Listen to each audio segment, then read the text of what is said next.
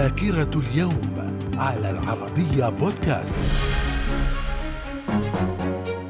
أهلا بكم مستمعينا الكرام إلى ذاكرة اليوم الخامس عشر من يناير ففي العام التسعمائة وعشرة إعلان قيام الدولة الفاطمية في المغرب بعد نجاح أبي عبد الله الشيعي في دعوته وجذب الأعوان والأنصار لها وقيامه بمبايعة عبيد الله المهدي بالخلافة. في العام 1559 تتويج إليزابيث الأولى ملكة على إنجلترا في دير ويستمنستر بلندن.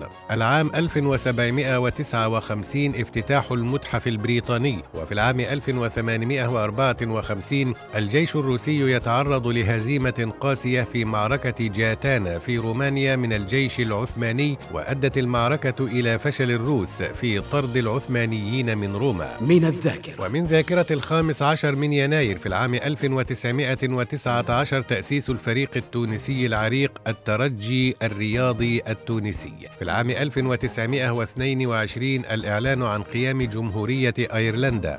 في العام 1944 اللجنة الاستشارية الأوروبية والمكونة من ممثلي قوات الحلفاء تقرر تقسيم ألبانيا. في العام 1970 معمر القذافي يتولى رئاسة الوزراء في ليبيا. من الذاكرة. ومن ذاكرة الخامس عشر من يناير في العام 2001 بداية عمل الموسوعة المفتوحة ويكيبيديا. في العام 2006 مجلس الوزراء الكويتي ينادي بولي العهد الشيخ سعد العبد الله الصباح اميرا لدولة الكويت بعد وفاة الأمير الشيخ جابر الأحمد الصباح. في العام 2009 طائرة إسرائيلية تغير على منزل القيادي في حركة حماس. سعيد صيام وتغتاله مع كل من كان معه بالمنزل وذلك في استمرار لما تسميه إسرائيل بعملية الرصاص المصبوب. من الذاكرة. من مواليد الخامس عشر من يناير في العام 1622 المؤلف المسرحي الفرنسي موليير.